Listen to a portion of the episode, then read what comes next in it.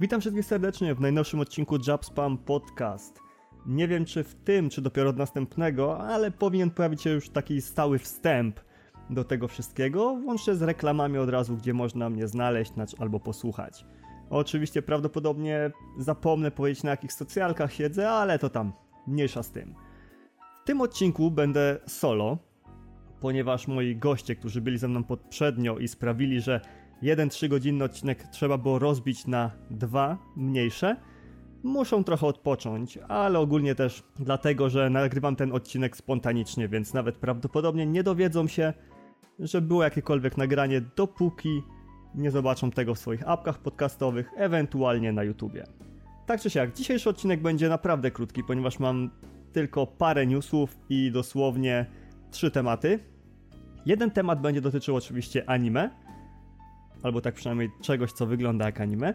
Drugi będzie odnosił się do live action pewnej adaptacji mangowej. Trzeci będzie na temat dwóch gier, do których tak jakby wróciłem. Znaczy, do jednej wróciłem, a w drugą zacząłem grać, ponieważ wyszła jej nowa odsłona. Więc nie przedłużając już więcej, zaczynamy od japońskiego kącika biatykowego, czyli tego, co tygryski lubią najbardziej. Otóż, jak dobrze wiecie lub nie z całej tej dramy, która była ostatnio w internecie odnośnie Tekena 7, Lidia Sobieska zawitała w końcu do tej gry. Normalnie DLC do kupienia, w Season Passie to będzie jakieś 69 zł, a osobno jeżeli chcemy kupić samą postać, to jest chyba około 20 albo 30 zł. Co w sumie też jest spoko, tylko że pragnę zauważyć, że w Season Passie mamy od razu też Mielno jako arenę do walki, która jest tam, wiadomo, dwu czy tam trzypoziomowa i w której się muzyczka zmienia. A jeżeli kupimy osobno, to niestety mamy tylko postać, co tak naprawdę nie przeszkadza, ponieważ jeżeli będziemy grali przeciwko komuś, kto ma wykupione to DLC i ma tą arenę, tę arenę, to bez problemu będziemy się na niej bili, a nie tak, że będzie nas nagle oddzielało od tych, którzy mają to DLC pełne, a którzy nie mają w ogóle DLC albo mają tylko niepełne. No więc tak, trailer jak dobrze pamiętacie był dość e, polaryzujący, ponieważ wiele osób inaczej. Wewnątrz Biatykowa wiele osób podzieliło się na dwa obozy. Jeden obóz mówił, że wow, super, nowa postać w Tekenie, ale to fajnie wygląda. A drugi obóz mówił, wow, super, nowa postać w Tekenie, ale to fajnie wygląda, tylko czemu ma taki zrąbany voice-over. I jakby to powiedzieć, no nie jest źle, super też jakoś nie jest, więc tak jakby całe FGC doszło do konkluzji, że jest super postać, ale nad voiceoverem można popracować. Przy czym pragnę zauważyć, że tak jak w każdym DLC do Tekena, w sumie chyba od dwóch, trzech części, jakoś tak, każda postać mówi swoim językiem, czyli jeżeli ktoś jest z Brazylii, mówi swoim języku, jeżeli ktoś jest z Europy, mówi w konkretnym języku danego kraju, Azja tak samo i tak dalej, i tak dalej. Co jest trochę dziwne, ponieważ mamy z jednej strony właśnie na przykład Lidię, która mówi po polsku i na przykład, e, bo ja wiem, Leja, który mówi po chińsku, albo kogoś innego z Ameryki Łacińskiej i oni mówią w swoich językach i nagle wszyscy się rozumieją, jakby mieli, nie wiem, super translatory w głowie zamontowane. No, ale to taki mały, drobny szczegół. Tak czy siak. Jako, że postanowiłem walczyć w imię wszystkich Polaków, to samo mówi Lidia, zakupiłem to DLC i trochę powciskałem. Powiem wam, że jest to świetna postać dla każdego początkującego, jak i zaawansowanego gracza. Może być to spowodowane tym, że na początku jest oczywiście niezbalansowana i tak jakby w momencie od wejścia nowej postaci przez jakiś czas do najbliższego patcha balansującego, w bardzo wielu przypadkach ta postać ciągnie nas do przodu, czyli nawet jeżeli jesteśmy bardzo słabi, ale weźmiemy jakąś nową postać, jak to było na przykład z Fakurmanem albo z Leroyem, to jesteśmy w stanie wystrzelić ponad nasze możliwości do rang, do których normalnie byśmy nie doszli. Jest to spowodowane tym, że po prostu gracze jeszcze nie umieją grać na te postaci, plus ich mechaniki mogą być delikatnie zepsute. Jeżeli dobrze pamiętam, to Leroy posiadał w swoim arsenale taki ruch, który powodował, że wyciągał on taką laseczkę i dzięki niej mógł atakować, przez co zwiększał się zasięg jego ciosów. I wszystko było fajnie, tylko ludzie często na przykład wyciągali te laski, tłukli tylko nimi i potem chyba Namco Bandai stwierdziło, że jednak ograniczy używanie tego, zaczęło balansować i tak dalej. I tak samo było z Fakurmanem, którego często nazywali po prostu Fuck You Man, ponieważ on był przekokszony, miał za mocne ciosy, nie miał prawie żadnych, nie wiem, wad i tak dalej. Dopiero z jakimś czasem to pozmieniali. No więc z Lidią technicznie jest podobnie. Ludzie nie umieją jeszcze na nią grać za bardzo. Jedyne co odkryto to, że Lidia słabo sobie radzi ze sidestepami, więc jeżeli jakiś jej atak będziecie blokować, to istnieje szansa, że ona wam zrobi taką zgadywankę 50 na 50, czyli po tym ataku albo wykona coś nad wasze nogi, na co się nie bronicie, bo stoicie na przykład, albo wykona coś na głowę, na co się nie bronicie, bo akurat założyliście, że to będzie po prostu atak na nogi. W wielu przypadkach jest tak, że postacie w Tekenie mają takie jakby swoje animacje, kiedy atakują na nogi, kiedy na głowę i to widać, że nagle jego cios przechodzi z ataku wysokiego na niski. W przypadku Lidii, która jest oczywiście też stance charakterem, czyli ma takie odpowiednie pozy, po których dochodzą jej nowe ataki, jest to prawie nie do rozróżnienia, więc często trzeba zgadywać na ślepo. No chyba, że się ogramy z tą postacią, to wtedy wiadomo. Pixel perfect będzie, wszystko ładnie, pięknie.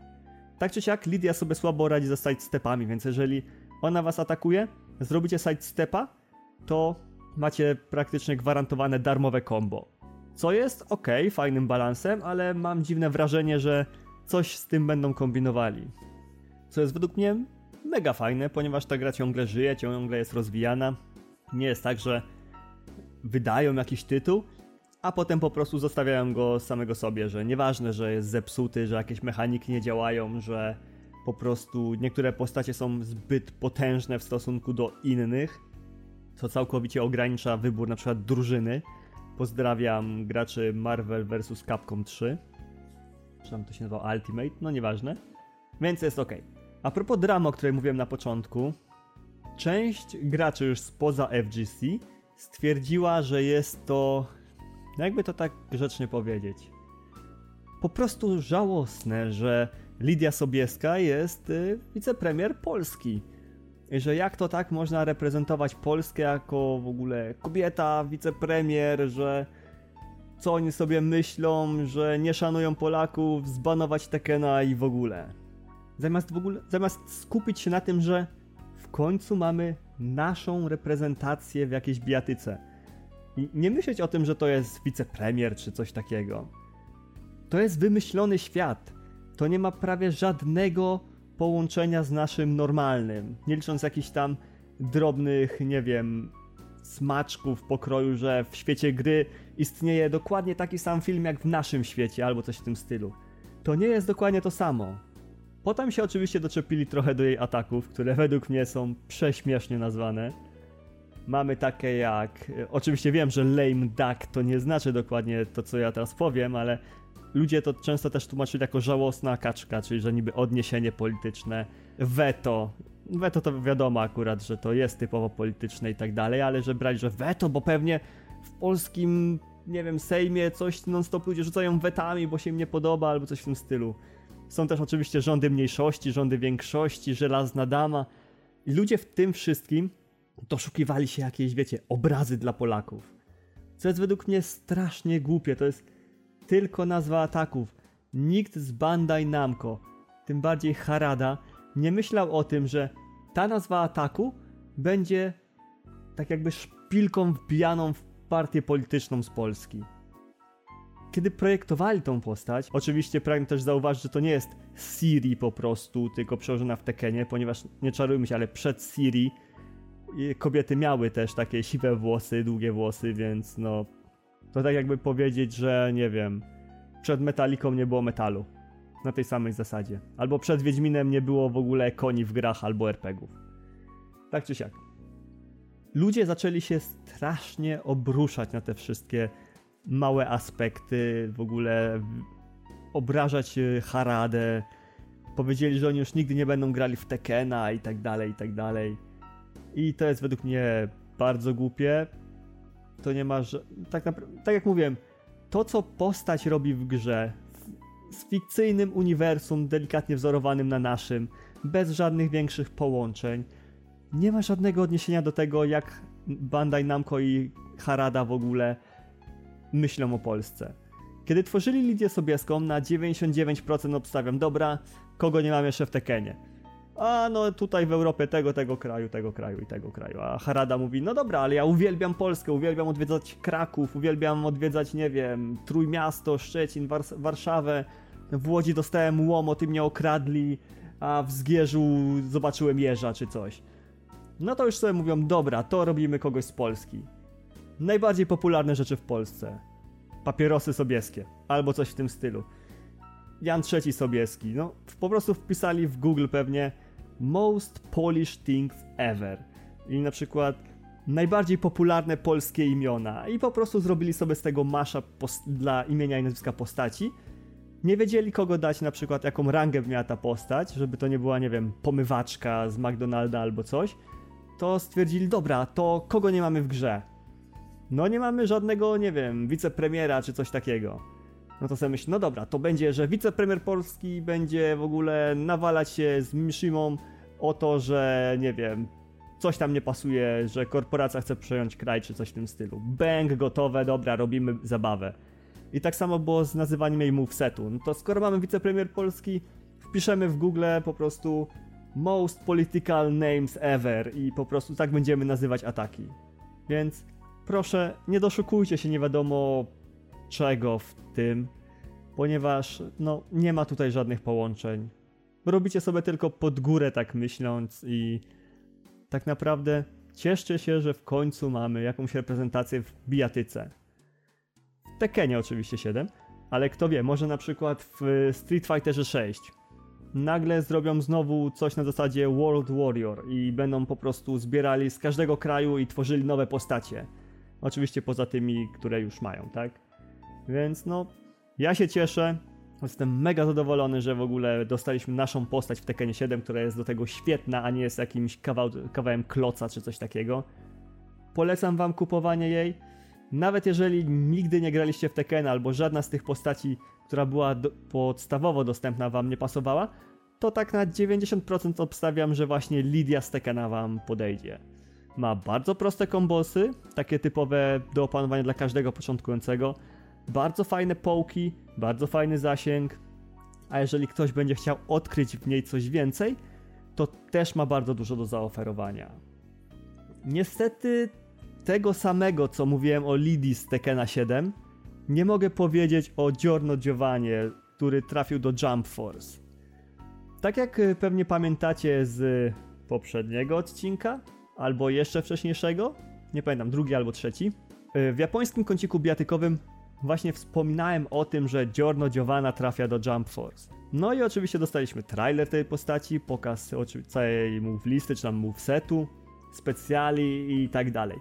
O ile pod względem graficznym jakimś cudem ta postać pasuje w stylu Jump Force, tak no niestety, ale jej gameplay to jest taka typowa zżynka z Jotaro.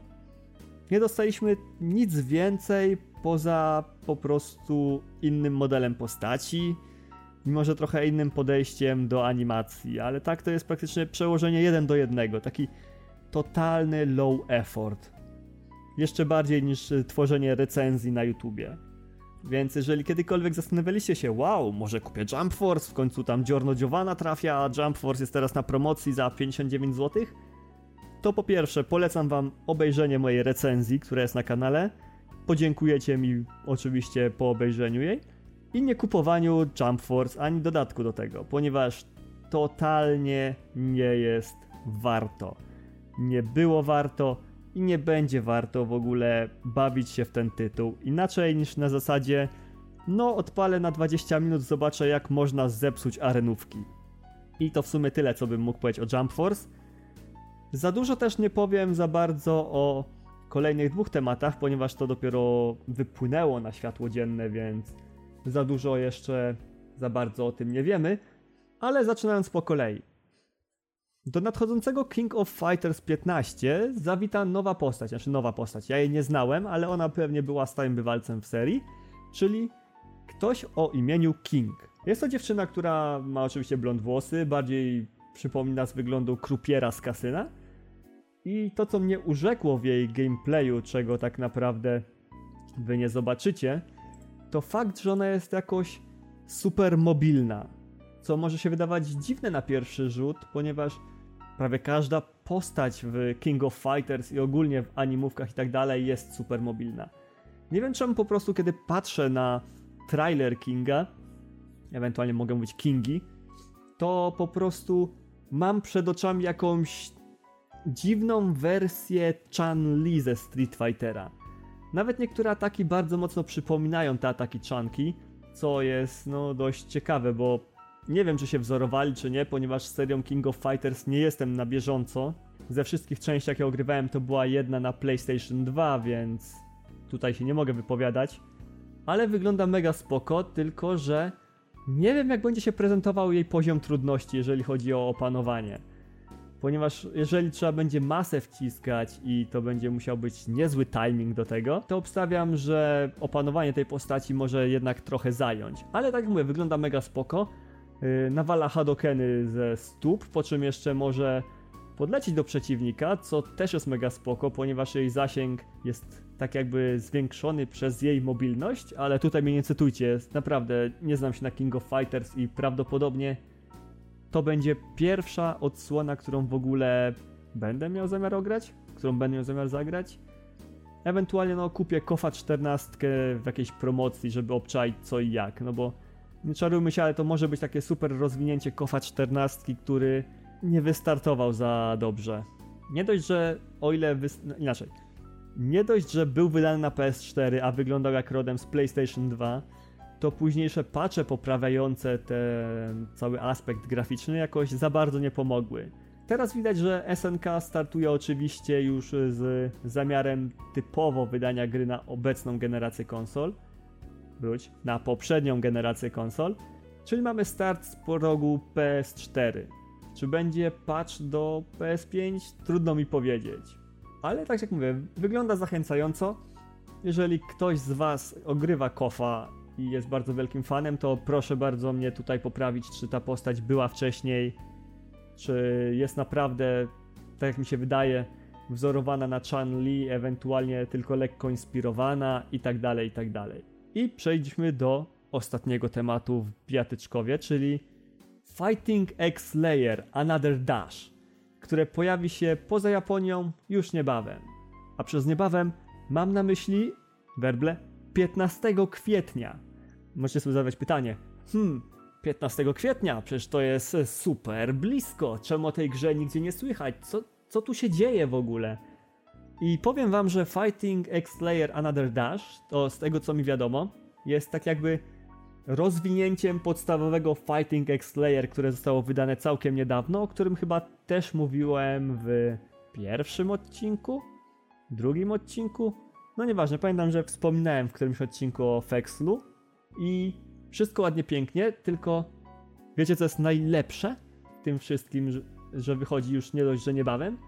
Poza faktem, że jest to rozbudowana wersja, czyli tak naprawdę poza całym podstawowym Fexlem dostajemy jeszcze nowe mechaniki jak X-Action, które tak naprawdę jest czymś na wzór X-ataków ze Street Fightera, czyli że na przykład, nie wiem, wykonujemy atak, który wygląda jak e, kopnięcie z obrotu w wersji podstawowej. W wersji X na przykład ten sam atak to jest już kopnięcie z obrotu, po czym drugie kopnięcie z, nie wiem, z, przy drugim obrocie.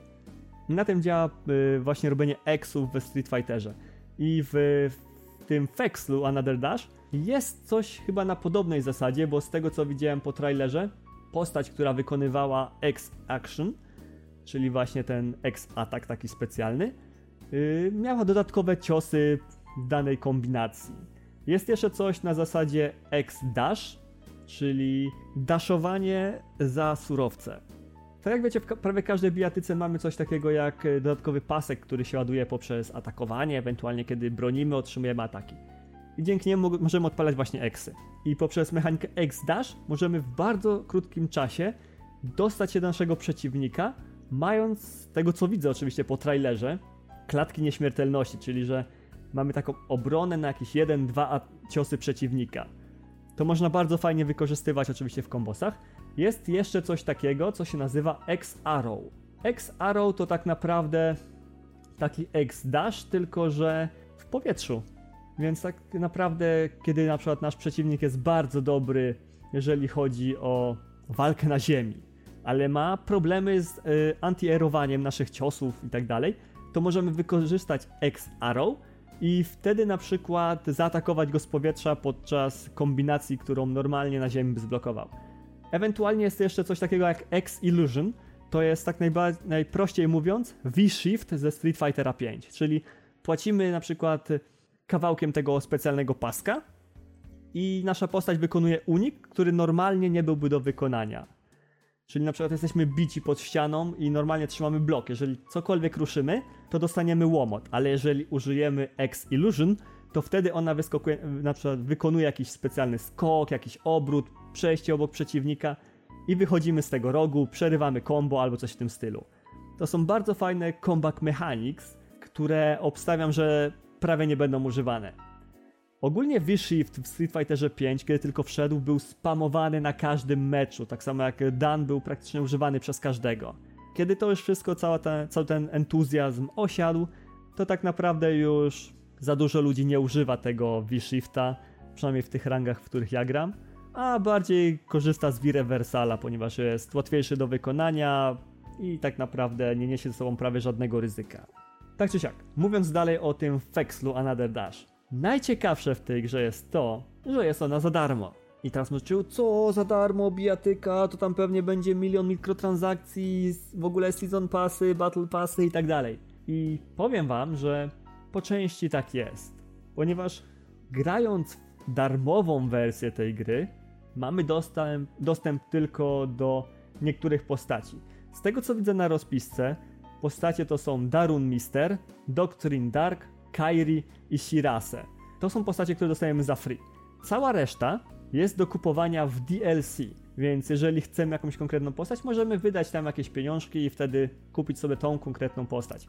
Niestety nie wiem, czy będzie można je kupować poprzez walutę znajdującą się wewnątrz gry, o ile tam jakakolwiek jest, ale to tak naprawdę zobaczymy już za niecałe kilka dni.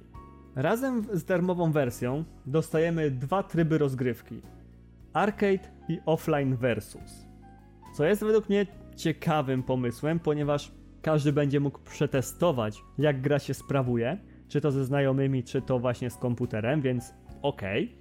Ale na przykład tryb rankingowy albo nierankingowy online, tryb treningowy i tym podobne będą dostępne tylko jako płatne dodatki. Więc no, powiem wam, że tu już jest tak trochę dziwnie, ponieważ wiele osób właśnie gra w bijatyki dla trybu online, więc dawanie go jako osobne DLC to jest tak trochę yy, średnio. Mogli to trochę bardziej podzielić, typu, że w wersji free dostajemy oczywiście arcade oraz offline versus plus mecze nierankingowe, a na przykład jeżeli kupimy dodatek, to mamy jeszcze do tego trening, nie wiem, tryb fabularny, mecze rankingowe, replaye i tym podobne. Bo niestety, ale nie widzę tutaj też żadnych combat trialsów ani niczego, co by mogło nas nauczyć kombosów. No bo sam trening to jak trening w wielu grach. To może być po prostu ładowanie naszych ciosów w nieruchomy manekin albo coś w tym stylu. Gdzie nie będziemy się uczyć w ogóle kombosów. Ale to się przekonamy dopiero za 5 dni. Znaczy 5 dni, no. Tak naprawdę nie wiem kiedy będziecie tego słuchać, ale 15 kwietnia ta gra wychodzi. Z tego co się dowiedziałem, to znaczy dowiedziałem, przeczytałem, to gra jest darmowa, a wszystkie DLC mają kosztować 25 baksów. 25 baksów to jest około 100 plus minus, więc czy trzymanie za bramką 100 zł trybu online to dobre wyjście, czy słabe wyjście? No, według mnie jest raczej średnie, ale czas pokaże. No, ktoś na pewno będzie za to płacił.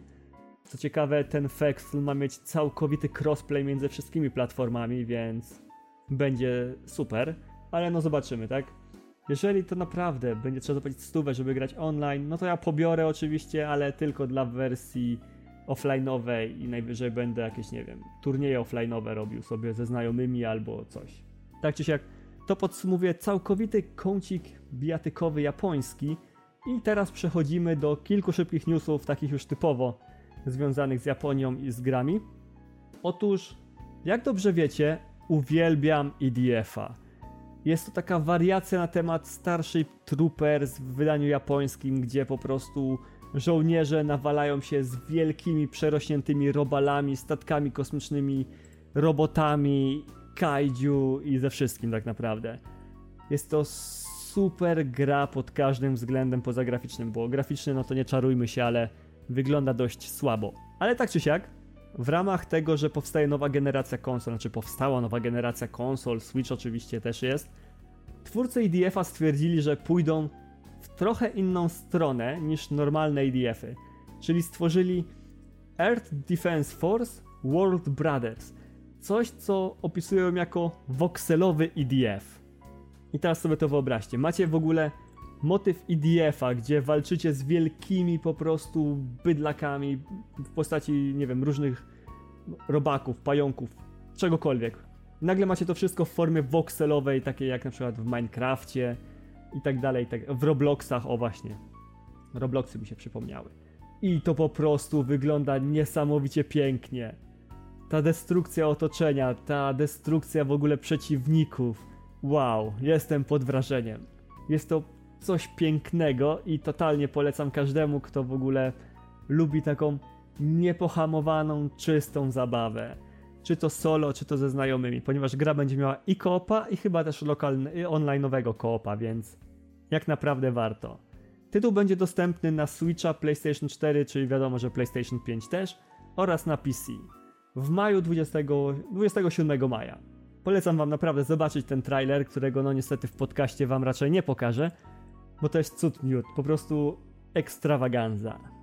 Niestety nie wiem, czy można by powiedzieć o ekstrawagandzie, jeżeli chodzi o studio Level 5, ponieważ o ile oni mają specjalne miejsce w moim sercu po tym, jak zrobili Nino Kuni i tak dalej, i tak dalej, tak ostatnio ich opieszałość w stosunku do Inazuma Eleven trochę mnie rozczarowała.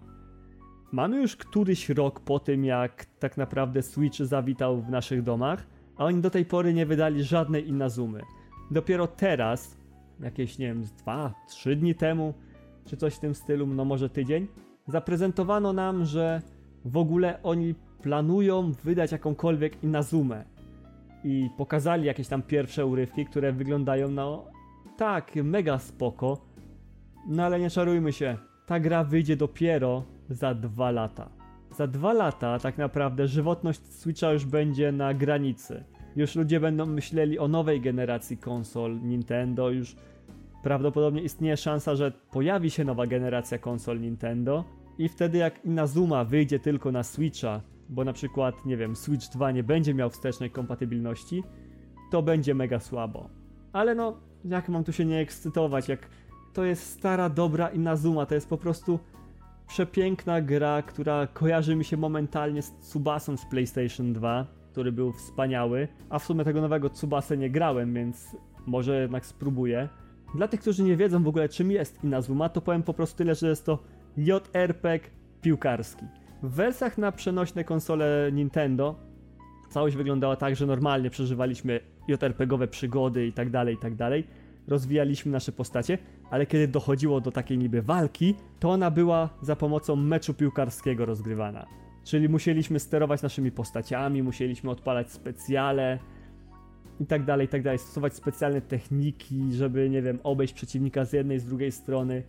I to było coś niesamowitego i mam nadzieję, że będzie to podobnie zachowane w wersji na Switcha, że dadzą na przykład dwa rodzaje sterowania, że ci, którzy chcą się poczuć jak ten sławny prezenter polski sportowy, który tak mazał po ekranie, będą mogli rozłączyć joycony i za pomocą tego sterować, a inni, którzy wolą bardziej takie przyziemne sterowanie, będą mogli też grać przy pomocy na przykład yy, tego Pro Controllera albo właśnie zadokowanych joyconów. Graficzny tytuł prezentuje się pięknie z tego co widzę po trailerze, trochę biednie w yy, segmencie lokalizacji, ale to na pewno będzie szło dopracować. Animacje tych wszystkich kopów specjalnych, jakichś nie wiem, wyskoków, zamiany w pioruna, ognistych strzałów, pojawiania się wielkich rąk naprawdę wyglądają nieziemsko. Mam nadzieję, że będzie to jakoś super udynamicznione jeszcze w pełnej wersji, a nie na zasadzie, że odpalam specjal, to nagle mam jakieś odcięcie, że mi się ładuje obrazek, kończy, ten, ładuje mi się filmik, kończy się filmik, to mam odcięcie i nagle wracam do gameplayu, tylko że będzie to jakoś płynne. Więc trzymam kciuki, 2023 to jest naprawdę daleko i naprawdę już może być za późno, ale mam nadzieję też, że następca Switcha będzie miał wsteczną kompatybilność, no bo nie czarujmy się, ale zakupienie większych kart microSD, na których można by pakować gry i tak dalej, i tak dalej, to nie jest teraz jakoś wielki wydatek. Nie wiem ile obecnie mają karty na Switcha, ale ostatnio widziałem karty microSD 120, tam chyba 6 giga czy jakoś tak, w cenach pokroju 60-70 zł. Więc jeżeli Nintendo będzie chciało masowo wydawać większe gry, to nie widzę problemu, żeby to robili. Tak samo nie widzę problemu w tym, żeby Hideaki Anno w ogóle zajmował się Kamen Riderem. Dla tych, którzy nie wiedzą, co to jest Kamen Rider, to chyba najprościej można by powiedzieć, że jest to coś na wzór y, tych wszystkich y, Super Sentai i tak dalej, i tak dalej, czyli to, co u nas najbardziej było znane pod formą Power Rangers. Przy czym Hideaki Anno jest reżyserem i scenarzystą Ewangeliona animowanego oraz Shin Godzilli, więc to nie są takie dość lekkie rzeczy, tak? I mam nadzieję, że tak jak właśnie w przypadku Shin Godzilla, Hidaki Anno pokaże swój nieziemsko brutalny, mroczny i okrutny styl. Oczywiście nie okrutny na zasadzie, że flaki się walają albo coś, tylko pokaże, że to co się dzieje ma jakieś większe znaczenie i potrafi naprawdę dopaść człowieka w najmniej spodziewanym momencie. Czym może być taki Shin Kamen Rider, to tak naprawdę nie wiadomo, ale coś czuję, że mogą być to tak jakby trochę Watchmeni połączeni ze Snyderowską wersją Justice League, czyli wiecie, jest mrok, ale tak naprawdę podsycony całym tym klimatem, a nie tak sztucznie naciągany, że po prostu jasność skręcili na minimum. Są motywy, które mogą się wydawać takie jak gdyby statyczne w swoim pokazaniu, czyli że na przykład mało się w nich dzieje, ale są naprawdę brutalne, bo mówią o jakichś tematach, które normalnie nie są poruszane przez takie, nie wiem, właśnie programy jak Power Rangers albo coś. I liczę na to, że będzie ten taki stan grozy, że będą takie momenty jak w tej nowej Godzilli jego, gdzie ona po prostu otwierała swój pysk i zaczęła strzelać w ziemię y, tym całym promieniem i po prostu człowiekowi ciary przechodziły z jakiegoś dziwnego powodu, jakby po prostu strach człowieka opętywał. Mam nadzieję, że coś tu będzie podobnego. Niestety, z tego co widzę, nie mamy dokładnej daty premiery poza marcem 2023, więc jeszcze sobie poczekamy. Ale no, jestem bardzo, ale to bardzo dobrej myśli, ponieważ to może być coś niesamowitego. No dobra, przeskakując teraz z tych wszystkich newsów, które zajęły mi definitywnie za dużo czasu, ponieważ aż 30 parę minut, przejdźmy teraz do tematów. Pierwszym tematem, jaki chcę poruszyć, znaczy pierwszym tematem, pierwszym rzeczą, o której chcę opowiedzieć jest Pacific Rim Black, które jest dostępne na Netflixie.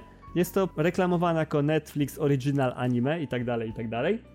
Jest to tak jakby poszerzenie uniwersum Pacific Rim, które doczekało się tak naprawdę dwóch filmów, z czego jeden był świetny, ponieważ Guillermo del Toro za niego odpowiadał. Drugi był już taki sobie.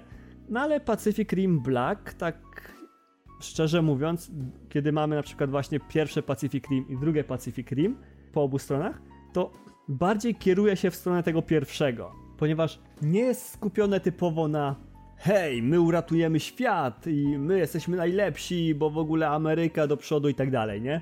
Po pierwszych czterech odcinkach, które oglądałem, jestem naprawdę pod wrażeniem tego, jak ten świat jest rozbudowywany, ponieważ w ogóle zabrano całą tą historię z Ameryki, ewentualnie z Europy i wrzucono ją w Australię. W miejsce, które przez popkulturę jest prawie że niewykorzystywane, więc tutaj mega propsy. I teraz tak, cała historia zaczyna się od tego, że jest to całe takie właśnie wynurzenie, taka największa ofensywa kaiju jaka była. I teraz to chyba było w jedynce, że taka właśnie największa ofensywa była, ale to nie dam sobie głowy uciąć, ponieważ już nie bardzo pamiętam ten film. I chodzi o to, że właśnie Australia przegrała. Poznajemy głównych bohaterów, kiedy są odprowadzani do bezpiecznego azylu, czyli nie tyle schronu, co pewnego miejsca na pustyni, gdzie są góry, gdzie jest w ogóle wodospad, gdzie jest fauna, flora i tak dalej, dzięki której będą mogli przeżyć, ale które jest na tyle daleko od całej cywilizacji, że życie tam będzie w miarę bezpieczne, o ile ludzie nie będą się wychylać. A przez wychylać mam na myśli, wiecie, robić koncertów i tak dalej, i tak. I myk polega na tym, że dwójka naszych głównych bohaterów, czyli rodzeństwo jest tam zostawiana, po czym ich rodzice, którzy są oczywiście pilotami Jägerów, wracają ratować e, miasta, które są dookoła. Przy okazji starać się, starają się znaleźć jakieś wsparcie, ponieważ następuje coś takiego, co oni tam nazywają blackout, czyli całkowite porzucenie, przynajmniej ja to tak odebrałem, całkowite porzucenie danego regionu i poddanie się z jakąkolwiek obroną go przed kaiju. Wszystko ładnie, pięknie, rodzice odchodzą, dzieci zostają razem w tym takim raju ukośnik bidulu, mijają lata i okazuje się, że oni tam wiadomo dorośli i tak dalej, i tak dalej. Niestety nie pamiętam imion tych głównych bohaterów, więc będę mówił chłopak i dziewczyna. Chociaż mogłem to sprawdzić, ale tak naprawdę, no tak jak mówię, nagrywam to spontanicznie, więc no musicie mi to wybaczyć. Okazuje się, że chłopak jest po tych wszystkich latach bardzo pracowity, bardzo oddany tej całej komunie, która tam powstała. Stara się chronić wszystkich tam dookoła poprzez mówienie im, żeby się zachowywali ciszej w niektórych momentach, żeby uważali, nie wychodzili poza granice tej ich małej komuny i tak dalej, i tak. Kiedy siostra jest tak jakby drugą stroną tej monety, z chęcią chce odwiedzać to, co jest za granicami, za murami, za górami i tak dalej i wspiera wszystkie ekspedycje, które udają się poza granice właśnie tego raju. Znaczy te tak naprawdę ekspedycje nie są takie typowo oficjalne, że oni tam specjalnie wysyłają najlepszych z najlepszych, żeby zobaczyć co, jak, gdzie i kiedy. Tylko po prostu ludzie już mają dosyć życia w tym zamknięciu i sami uciekają po prostu pod przykrywką nocy czy coś. Niestety, tak jak e, możecie sobie wyobrazić, w końcu wszystko musi wziąć w łeb. I tak się dokładnie dzieje, ponieważ poprzez kłótnię rodzeństwa, czyli no już nie pamiętam jak oni mieli. No dobra, sprawdzę, żeby nie było. Taylor i Hayley. Taylor to chłopak, Hayley to dziewczyna. Dobra. Poprzez kłótnię Taylora i Hayley dochodzi do takiego momentu, że ona po prostu znika. Wiadomo, jej brat myśli, że ona ucieka, ona bardzo o tym myśli, żeby uciec, ponieważ już ma tego wszystkiego dosyć, chce spotkać swoich rodziców, chce zobaczyć, czy przypadkiem nie jest tak, że kaiju już wyginęły, ale po prostu wszyscy o nich zapomnieli. No i dziwnym trafem staje się tak, że pada do pewnej dziury, która znikąd się po prostu tam pojawia. Po prostu cały czas była tam droga, ale nagle ona idzie tą drogą i wpada w dziurę. Mimo, że 100 tysięcy ludzi przed nią, które tam chodziło dzień w dzień, nie wpadło, to ona wpada i jakimś cudem okazuje się, że ta cała ostoja, ten ich raj, to tak naprawdę było był jakiś bunkier do trzymania nieużywanych jegerów. I oczywiście został tam jeden jeger, którego nazwy nie pamiętam, chyba to był Atlas Destroyer, ale on był całkowicie podobny do tego Gypsy Danger, który był w filmie tak naprawdę. No bo hej, jakby można było wymyślić coś nowego, coś lepszego, jak można po prostu wziąć Gypsy Danger i powiedzieć, no to jest oczywiście mrugnięcie do fanów filmu. No ale mniejsza z tym. I się okazuje, że w tym całym bunkrze, gdzie były trzymane Jägery, jest ten właśnie Atlas Destroyer. Ona wchodzi tam do kabiny, bo ona jest oczywiście zauroczona tym, ona zawsze chciała pilotować Jägera. Jej brat był oczywiście na szkoleniu do pilotowania Jägerów, ale oczywiście ten cały blackout to wszystko z automatu anulował i tak dalej, musieli się chować. No i pech chciał, że ten Jäger oczywiście działa. Wszystko ładnie, pięknie, ona tam na szybko przechodzi szkolenie. Nagle się okazuje, że brat jej idzie szukać, też oczywiście trafia do tego Jägera dziwnym zrządzeniem losu. Chwilę gadają z AI i niestety dochodzi do automatycznego odpalenia tego Jägera, co po prostu powoduje ogromny hałas. Z tego powodu nagle kaiju pojawia się w okolicy i kieruje się w stronę oczywiście tego hałasu. Pada do tej całej wioski nasi bohaterowie są zmuszeni oczywiście na ten cały drift między sobą i sterowanie Jegera, żeby pokonać przeciwnika. I tak naprawdę mógłbym powiedzieć, że to jest strasznie sztampowe, no bo niestety jest, ale oczywiście fajnie rozbudowuje uniwersum, więc nie będę się czepiał nie licząc tego Deus Ex Machina moment, kiedy oczywiście znajdują nagle Jegera, bo to nagle jest tajna baza, a nie jakieś tam góry i wodospady albo coś. To, co mi się bardzo podoba, to że to anime pokazuje okrucieństwo, jakie spotyka tych wszystkich ludzi dookoła. To nie jest film Marvela z wczesnego stadium przed chyba Civil War czy coś, gdzie nieważne jaka jest rozruba dookoła, wszyscy cywile nagle są bezpieczni. Kaiju po prostu wpada do tego raju, morduje wszystkich. Nie pozostawia nikogo. Ani przyjaciół Hayley, ani miłości Taylora. A pokonują go tylko dzięki temu, że cudem udało im się go zepchnąć. Znaczy zepchnąć, on cudem wpadł tam wiadomo w przepaść, no nie? Oczywiście to, to nie zabija tego kaiju, więc musieli potem uciekać, ale to nawet nie o to chodzi. Bardzo mi się podobało to właśnie, że ta cała brutalność w stosunku do cywili, ponieważ kiedy nasi bohaterowie wrócili już do tej wioski, żeby zobaczyć, kto przeżył, no to oczywiście to jest anime, tak? Każdy, kto wygląda nienaturalnie inaczej, czyli ma jakieś włosy, jakieś ma normalną w ogóle, wyróżniającą się, nie wiem, mimikę twarzy, coś, jest traktowana jako postać poboczna, więc na 100% przeżyje. Kiedy Pacific Rim Black jest dokładnie odwrotnie. Poza naszymi bohaterami, naszą dwójką bohaterów, było parę osób, które też wyglądały tak trochę wyróżniająco się, ale wszystkie zginęły po prostu. Co powoduje, że nagle między siostrą i bratem powstaje taka ściana, ponieważ Taylor obwinia Hayley o to całe zajście, a Hayley nie dość, że obwinia siebie, to jeszcze wypiera wszystko, co tam się działo dookoła. I nie będę spoilerował już trochę dalej, ponieważ potem wiadomo, oczywiste jest, że biorą tego całego Jegera i ruszają do przodu, ale są tam bardzo fajne motywy i to nie jest na zasadzie tylko potwora tygodnia, że w tym odcinku był ten kaiju, następny odcinek, coś się dzieje, znowu nawalamy się z kaiju, coś się dzieje, znowu z kaiju. I to my jesteśmy bohaterami, my ratujemy świat. Tak naprawdę Taylor i Hayley są bardzo słabi. To mi przypominało coś jak Hunter x Hunter, gdzie główni bohaterowie byli po prostu słabi. Spotykali silniejszych od siebie i nie byli w stanie ich pokonać, dopóki nie, nie wiem, nie przechytrzyli ich, albo coś w tym stylu, albo nie dostali pomocy od kogoś potężniejszego i tak dalej, i tak dalej. Więc powiem wam, że Pacific Rim Black bardzo miło mnie zaskoczyło.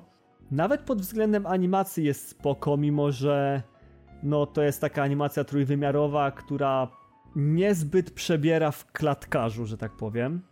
Często jest tak, że widać po prostu, że poszli na łatwiznę, ale często jest tak, że całość lata w tych stałych 30 klatkach. Więc do tego się trzeba trochę przyzwyczaić. Wiadomo też do trochę ruchu postaci, mimiki, żeby nie trochę inna niż jesteśmy przyzwyczajeni. Ale ogólnie jestem, tak jak mówię, pod bardzo dobrym wrażeniem. Pierwszy sezon z tego co widzę ma tylko 7 odcinków, więc hej, jestem w połowie i powiem wam, że tak, będę go oglądał, będę wyczekiwał drugiego sezonu.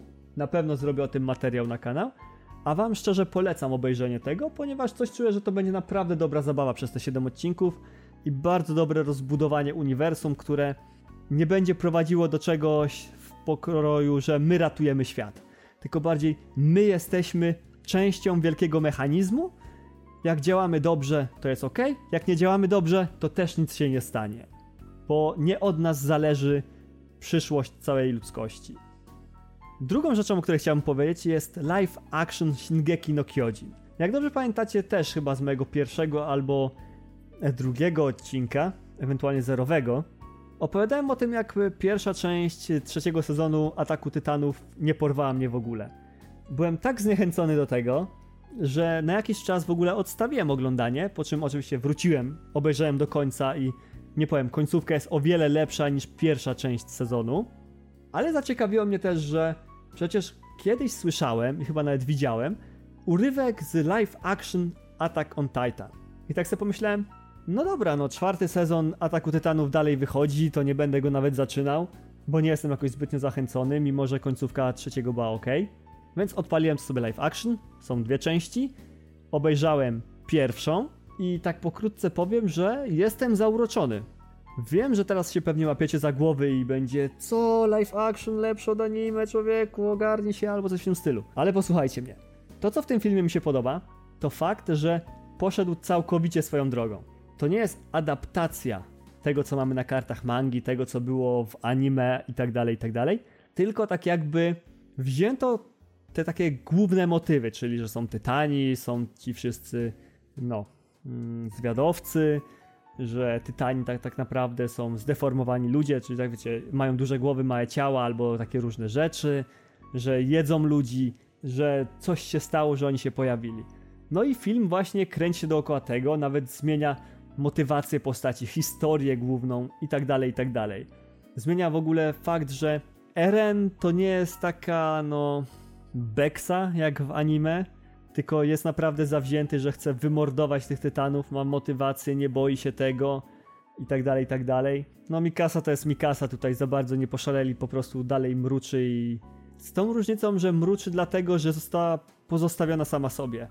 Tak jak w anime Eren i Mikasa byli praktycznie nierozłączni, tak w filmie po chyba pierwszych 20 minutach Mikasa niby umiera, ale się potem okazuje, że jednak przeżyła.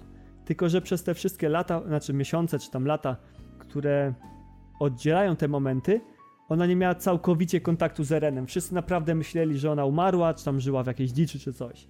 Bardzo mi się to podoba, że oni tak zaczęli się bawić motywami, że to nie jest po prostu jeden do jednego. Oczywiście, jeżeli ktoś jest ultrasem mangi i anime, to mu się to totalnie nie spodoba. Jeżeli ktoś jest ultrasem dobrych filmów, to też mu się to totalnie nie spodoba, ponieważ to nie jest jakieś wybitne dzieło, tylko takie 6 na 10, że miło się ogląda, ale człowiek nie będzie nagle pamiętał każdego momentu tego. Bardzo mi się podoba to, jak zaczęli w ogóle kombinować z tym całym omnidirectional gear, gdzie ci wszyscy zwiadowcy używają go do przemieszczania się po okolicy i tak dalej.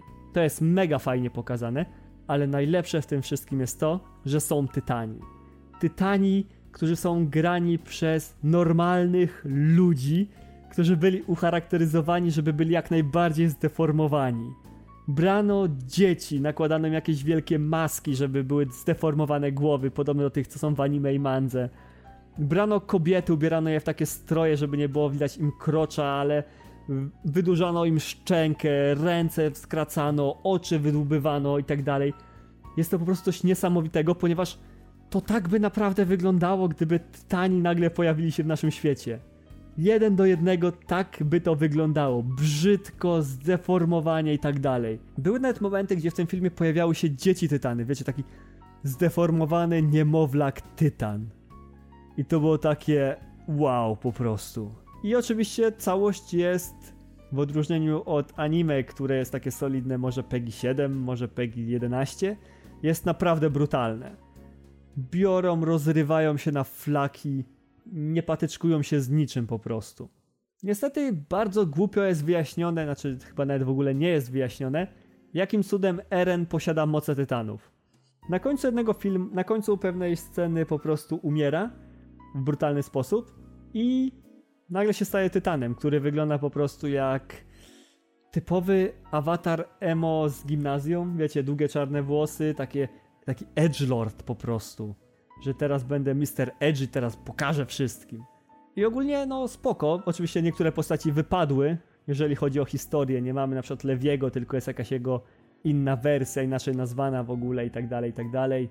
Cały main plot jest też trochę inny, ale ogólnie oglądało mi się to bardzo fajnie, bardzo zgrabnie.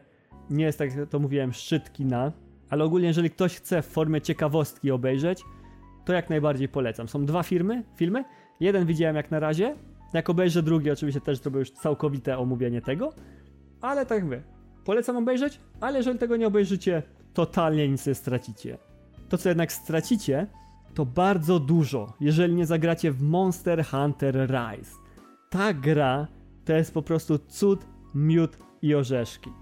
Tak jak wiele osób rozpływało się nad Monster Hunter World, które stało się w końcu casual friendly, piękne, otwarte dla nowych graczy z masą ułatwień itd., tak, tak? Monster Hunter Rise po prostu rozbudowuje całą tą formułę. Dodaje jeszcze więcej nowości, zupełnie nową planszę, nowe postacie, nowe w ogóle potwory i podbija ocenę Monster Hunter World oraz przebija ją chyba z pięciokrotnie. Tytuł obecnie dostępny jest jedynie na Switcha, więc no jeżeli ktoś ma tylko PC albo jakieś inne konsole typu Sony albo Microsoftu, to niestety, ale będzie musiał poczekać jeszcze kilka miesięcy, ponieważ ta gra kiedyś tam wyjdzie, ale biorąc pod uwagę to, jak było traktowane Monster Hunter World, to obstawiam, że Monster Hunter Rise podzieli ten sam los, czyli że y, wiecie, to będzie tak jak z, trochę z bijatykami, że konsole dostają na przykład między sobą y, crossplay, albo coś w tym stylu, a nagle się okazuje, że pecety to jest jakiś w ogóle zamknięty obóz dla tych takich nielubianych dzieci i one są trzymane osobno. I podobne, podobnie było z Monster Hunter World, które oczywiście wyszło na pecety, ale wszystkie dodatki, wszystkie, nie wiem, małe, duże DLC i tak dalej, nowości były wprowadzane z tak wielkim opóźnieniem, że po prostu już nie było co reanimować czasami. Więc tak, grałem w to dopiero może 15-20 godzin, więc tak naprawdę jestem bardzo początkujący. I bardzo mi się podoba to, że zachowali cały ten gameplay, który był w World i rozbudowali go o nowe możliwości, które nie są konkretnie, koniecznie łatwiejsze, ale poszerzają paletę tego, co możemy zrobić. I tak naprawdę mamy do dostępu taką magiczną linkę, którą możemy zaczepiać o wszystkie ściany, o potwory i używać w walce. I to najbardziej przypomina to, co mogliśmy zobaczyć we Freedom Wars, gdzie za pomocą tego całego bicza mogliśmy się właśnie przyczepiać do różnych powierzchni i ciągnąć do nich. I tu jest mniej więcej na tej samej zasadzie. Walczymy sobie z potworem, wszystko ładnie, pięknie, i nagle na przykład osłabiliśmy potwora. Bach, używamy linki, związujemy potwora i nagle go ujeżdżamy jak w Monster Hunter Stories z 3DS-a. Jeżeli ktoś jest w okolicy jakiś inny potwór, to możemy się bić na tym potworze z drugim potworem. Możemy też na przykład brać, że używamy tej linki, tworzymy specjalną sieć, w którym jak wejdzie nasz przeciwnik, to my wykonujemy specjalne super cięcie.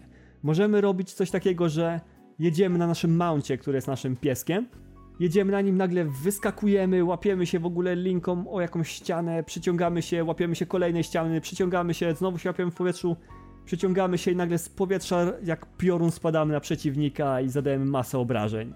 Możemy też po prostu się do przeciwnika przyciągać, żeby na niego wejść i go atakować, kiedy lata albo coś w tym stylu. I jest to coś niesamowitego. Niby prosta rzecz, ale tak rozbudowuje możliwości nie tylko przemieszczania się, ale i walki, że naprawdę jestem pod wrażeniem. Co do samego gameplayu, oczywiście poza tym rozbudowaniem, jest typowo Monster Hunter World Plus. Czyli Rise jest kolejnym krokiem w tej serii i po ograniu Rise raczej już nie będzie powrotu do Worlda. Tak jak po ograniu Worlda nie ma już powrotu do starszych części. Co mi przypomina, że kupiłem czwórkę Ultimate i jeszcze jej nie odpaliłem. Standardowo oczywiście dostaliśmy nową lokację, która jest mocno azjatycka w swoich założeniach, ponieważ przypomina trochę feudalne wioski, albo łatwiej mówiąc, przypomina to, co mieliśmy w Tokidenie 1 i 2. Czyli taką typową właśnie feudalną wioskę. I teraz, jak tak o tym pomyślałem, to Monster Hunter Rise jest po prostu Tokidenem 2 w świecie Monster Huntera. Ponieważ mamy wioskę, która jest otoczona z każdej strony przez potwory i my musimy się bronić, ponieważ doszło do zjawiska, gdzie wszystkie potwory dziczeją i atakują wioskę i po prostu każdy się musi bronić. I w sumie w Tokidenie było podobnie, więc hej, mega, mega spoko, mega zżynka, albo mega inspiracja. I teraz tak, mamy tą swoją wioskę, która niestety w porównaniu do wioski z dodatku do Monster Huntera na przykład, World, jest trochę mniej funkcjonalna, ale w porównaniu do tego, co mieliśmy w Monster Hunter World podstawowym, jest o wiele bardziej funkcjonalna. Czyli jest w miarę solidnych rozmiarów, ale nie jest tak pokićkane w niej, że żeby znaleźć jedną rzecz musimy przejść po trzech schodach, a żeby pójść gdzieś tam musimy pójść w dół do innej mapy, coś tam, coś tam, tak? Wszystko jest trzymane mniej więcej na tym samym poziomie zero, jest po prostu ładnie rozbudowane. Jedynymi chyba lokacjami, które tak zauważyłem, które są dodatkowe, to jest Training Ground, yy, Gildia i było jeszcze jedna miejscówka, której teraz nie pamiętam. A tak to wszystko jest w miarę skondensowane, czyli mamy tutaj na przykład sklepy, tu mamy oczywiście płatnerza, mamy przyjmowanie zadań, yy, zadań głównych i zadań pobocznych, wykonywanie misji dodatkowych, za które dostajemy różne przedmioty, yy, nie wiem, treningi koleżkotów i naprawdę nie chcę tego mówić, ale wprowadzono tam dodatkowego zwierzaka, który nam pomaga w walce, który przypomina Reda 13 i to się nazywa Kumpies. Kumdok po angielsku prawdopodobnie. I nie mam zamiaru go tak nazywać, więc będę mówił pieseł po prostu. I to wszystko się ładnie zgrywa. Bronie oczywiście są dokładnie takie same jak w Worldzie, czyli yy, zwykły miecz, miecz dwuręczny, lance, łuki, jakieś tam pistolety, tarcza i miecz po prostu i tak dalej. Gra się praktycznie tak samo. Kombosy się wykonuje troszkę inaczej, ponieważ trzeba brać pod uwagę to, że teraz mamy tą specjalną linkę, której możemy używać i ona też ma swoje zastosowania w kombosach i ma swoje skróty. I tak naprawdę te wszystkie mapy tak bardzo mocno przypominają mi te pierwsze Monster Huntery niż World, ponieważ w World dostawaliśmy taką przeogromną mapę gdzie jak ruszaliśmy na krucjatę, czy tam na wyprawę, jak to ludzie nazywają, to mogliśmy z jednego końca mapy na drugi po prostu godzinę nawet iść i walczyć z potworami. Tak tutaj to może zajmuje z 10 minut, 15, żeby tak na spokojnie sobie przejść z jednego końca na drugi. I okej, okay, rozumiem, wyszła gra na Switcha, więc musi mieć trochę mniejsze mapy, ale no, mogli się trochę bardziej postarać tutaj, mimo że są piękne. Też oczywiście inspirowane Azją bardziej niż jakimiś, nie wiem, dzikimi stepami albo coś w tym stylu. I nie wiem, czy ja mam takie dziwne wrażenie, czy to tak naprawdę jest, ale wydaje mi się, że ta gra nie jest tyle, że trudniejsza, ale potwory w niej mają tak jakby więcej życia albo większą obronę. Ponieważ tak jak w Monster Hunter World spotykaliśmy Kulujaku, czyli takiego przerośniętego kurczaka, to przeważnie walka z nim zajmowała 15 minut, takim podstawowym rodzajem oręża bez przygotowania, bez niczego. Tak, tutaj często schodziło od 25 minut w górę. Podstawowym orężem oczywiście. Więc coś czuję, że bardziej zrobili takie właśnie damage sponge'a z tych, z tych potworów, co trochę będzie wydłużało gameplay, ale też będzie powodowało, że bez przygotowania po prostu nie przejdziemy niektórych misji. Ale tak jak mówię, ogólnie jest mega spoko, jeżeli chodzi o walkę. Potwory są oczywiście te, które pojawiały się już w serii, ale też takie, które na przykład w poprzednich odsłonach nie były, ale były wspominane tam kiedyś wcześniej. Przy czym już na samym początku mamy potwora, który on się chyba Altarus nazywa, Atreus jakoś tak, który bardzo mocno gameplayowo przypomina Andzianata z Monster Hunter World. Wiecie, tego tyranozaura, który ział ogniem. Ponieważ tak naprawdę, o ile on nie zieje ogniem, to tak atakuje z każdej możliwej strony. Jeżeli stoimy z boku, możemy dostać niego z bara. Stoimy z przodu, może nas pogryźć, pchnąć głową, może nas uderzyć łapami. Stoimy z tyłu, możemy dostać kopniaka, może się na nas przewalić i tak dalej. Więc trzeba uważać. Co ciekawe jest o wiele łatwiej pod względem zarządzania drużyną i przeżywalności, ponieważ teraz mamy nie dość, że pieseła, to jeszcze koteła, tak jak w poprzedniej odsłonie. Tyle, że koteł, jak, tak samo jak w Monster Hunter World, jest bardzo mało przydatny, tak samo jak wszystkie inne koty w życiu. I nawet jeżeli wybierzemy typ kota jako medyka, to raczej jego pomoc będzie znikoma i radzę się uzbrajać w mikstury. Piesem natomiast radzi sobie o wiele lepiej. Nie dość, że możemy dzięki niemu podróżować, ponieważ dojeżdżamy go i wtedy nie marnujemy staminy na przemieszczanie się w sprincie. Możemy z jego grzbietu zbierać wszystkie, nie wiem, surowce, skurować potwory, ostrzyć broń, jeść, pić i tak. To jeszcze możemy atakować, kiedy na nim jedziemy, a kiedy on jest osobno, to on po prostu służy jako tak jakby postać do koopa, jeżeli gramy offline. Wiecie, tak żeby nie było że trzeba samemu jeden na jednego z potworem, tylko mamy taką swoją mini drużynę sterowaną przez AI i ona nam ogólnie pomaga. Niestety jeszcze nie odkryłem jak to jest z ulepszaniem ich, ponieważ co jest dziwne, wykonując misje główne dla wioski, czyli na przykład masz powiedziane, powiedziane że wykonaj 5 misji gdzieś tam, to robiąc to nie odblokowujesz nic, ale jeżeli weźmiesz misje poboczne dla wioski, to robiąc je, nagle odblokowujesz kowala, nagle odblokowujesz, nie wiem, jakieś tam gotowanie, jakieś tam ulepszenia, jakieś inne duperele. Więc jak coś róbcie to na zmianę, ewentualnie najpierw zróbcie te wszystkie poboczne, a potem weźcie się dopiero za główne. Więc chwilowo jeszcze nie odblokowałem jakichś ulepszeń dla nich.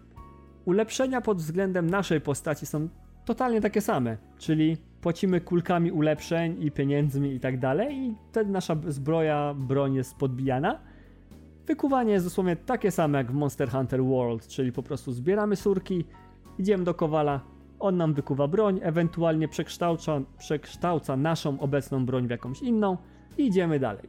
Specjalne ataki również pozostały dokładnie takie same jak w Monster Hunter World, czyli każdy typ oręża ma coś specjalnego tylko dla siebie. I powiem wam, że z miłą chęcią zobaczę w przyszłości, jak już ogram na przykład y, tryb fabularny, czy gra na przykład znowu się otworzy. Tak jak to było właśnie w Worldzie, że po przejściu fabuły nagle dostawaliśmy super dopasione misje do tego, do walki. Dostawaliśmy jakiś raid bossów, którzy po prostu one-shotowali za każdym razem, kiedy nie byliśmy przygotowani, gdzie trzeba było naprawdę zbierać solidną drużynę, żeby w ogóle po prostu mieć jakiekolwiek szanse. Graficznie wiele osób mówi, że jest to gra po prostu brzydka. Ja nie zgadzam się z tym, gra jest piękna. Co lepsze, gram w trybie przenośnym, ponieważ mam specjalne Hori Splitpad Pro, które są nieziemsko wygodne w porównaniu z Joy-Conami, które są dołączane do Switcha. Plus mam dodatkowe łopatki, więc mogę sobie zbindować tak, że nie muszę naciskać L3 i R3, tylko mogę po prostu na łopatki sobie te skróty zrobić. Ale wracając do tego, technicznie, tak mówię, mi się bardzo podoba. Stylistycznie jest po prostu pięknie. Designy są piękne, wszystko wygląda super. I co lepsze, ta gra w ogóle nie chrupie. Tak mówię, gram w handheldzie, Zawsze jest stałe, no nie dam głowy, że jest 60, ale 30 jest na pewno klatek zawsze. Nieważne jaką rozróbę robię. I co lepsze, można grać po japońsku z polskimi napisami, co jest mega plusem. I ogólnie, jeżeli ktoś kiedykolwiek się zastanawiał, czy warto sięgać po Monster Huntera, a na przykład nie ma PC-ta dobrego, nie ma konsoli, jakiejś, nie wiem, Xboxa albo Playa, a chciałby kiedyś spróbować, to Monster Hunter Rise będzie idealnym momentem na wejście do tej serii. Jest super przystępny, znajdziecie masę osób do grania wspólnego, z czego na moim Twitterze to chyba z 40 osób się zadeklarowało, że gra i chętnie zagrają z kimś jeszcze. Plus, no tak jak mówię, macie mini drużynę, która zawsze wam będzie pomagać jak coś, więc nic, tylko się przełamać i próbować. No dobra, i to by było w sumie na tyle. Miałem jeszcze powiedzieć trochę o Genshin Impact i o moim powrocie do tej serii, ale zostawię sobie to najwyżej na kolejny odcinek solowy. Jak już trochę bardziej ogram to wszystko, co tam mi ta gra ma zaoferowania. W końcu miałem miejsce na konsoli po tym, jak skasowałem Fist of the North Star, więc zainstalowałem Genshina, inpa, yy, patche i trochę będę sobie w to pogrywał. A tymczasem, jeżeli nie było pięknego intra w odcinku, to pragnę tylko przypomnieć, że cały ten odcinek, który właśnie oglądacie na YouTubie albo słuchacie na YouTubie, jest też dostępny na Spotify, iTunes i w prawie wszystkich apkach podcastowych poza Google Podcast, ponieważ tam nas nie chcą jakimś cudem, nie mogą przemielić. Jeżeli natomiast trafiliście na to w formie audio, to pragnę wam tylko powiedzieć, że istnieje kanał YouTube'owy Jabspam, który dokładnie ma taki adres jak myślicie, czyli youtube.com ukośnik Jabspam, na którym znajduje się oczywiście ten podcast, moje inne recenzje gier, jakieś interpretacje różnych dzikich myśli, omówienia historii, materiały historyczne itd., tak itd. Tak czyli ogólnie moje ogólne wypociny. Dostępny jestem również i oczywiście najczęściej na Twitterze pod nickiem gudziunpio.pl, do którego opis znajdziecie w opisie, znaczy link znajdziecie w opisie odcinka. I tak naprawdę nie zostaje mi nic więcej do powiedzenia jak do usłyszenia w następnym odcinku. Nie obiecuję, że będzie to solowy, ponieważ planujemy w majówkę nagrywać z gośćmi znowu, z Matem i z Retrotatą, ale to jeszcze wyjdzie wszystko w praniu. A tymczasem, do następnego razu. Cześć!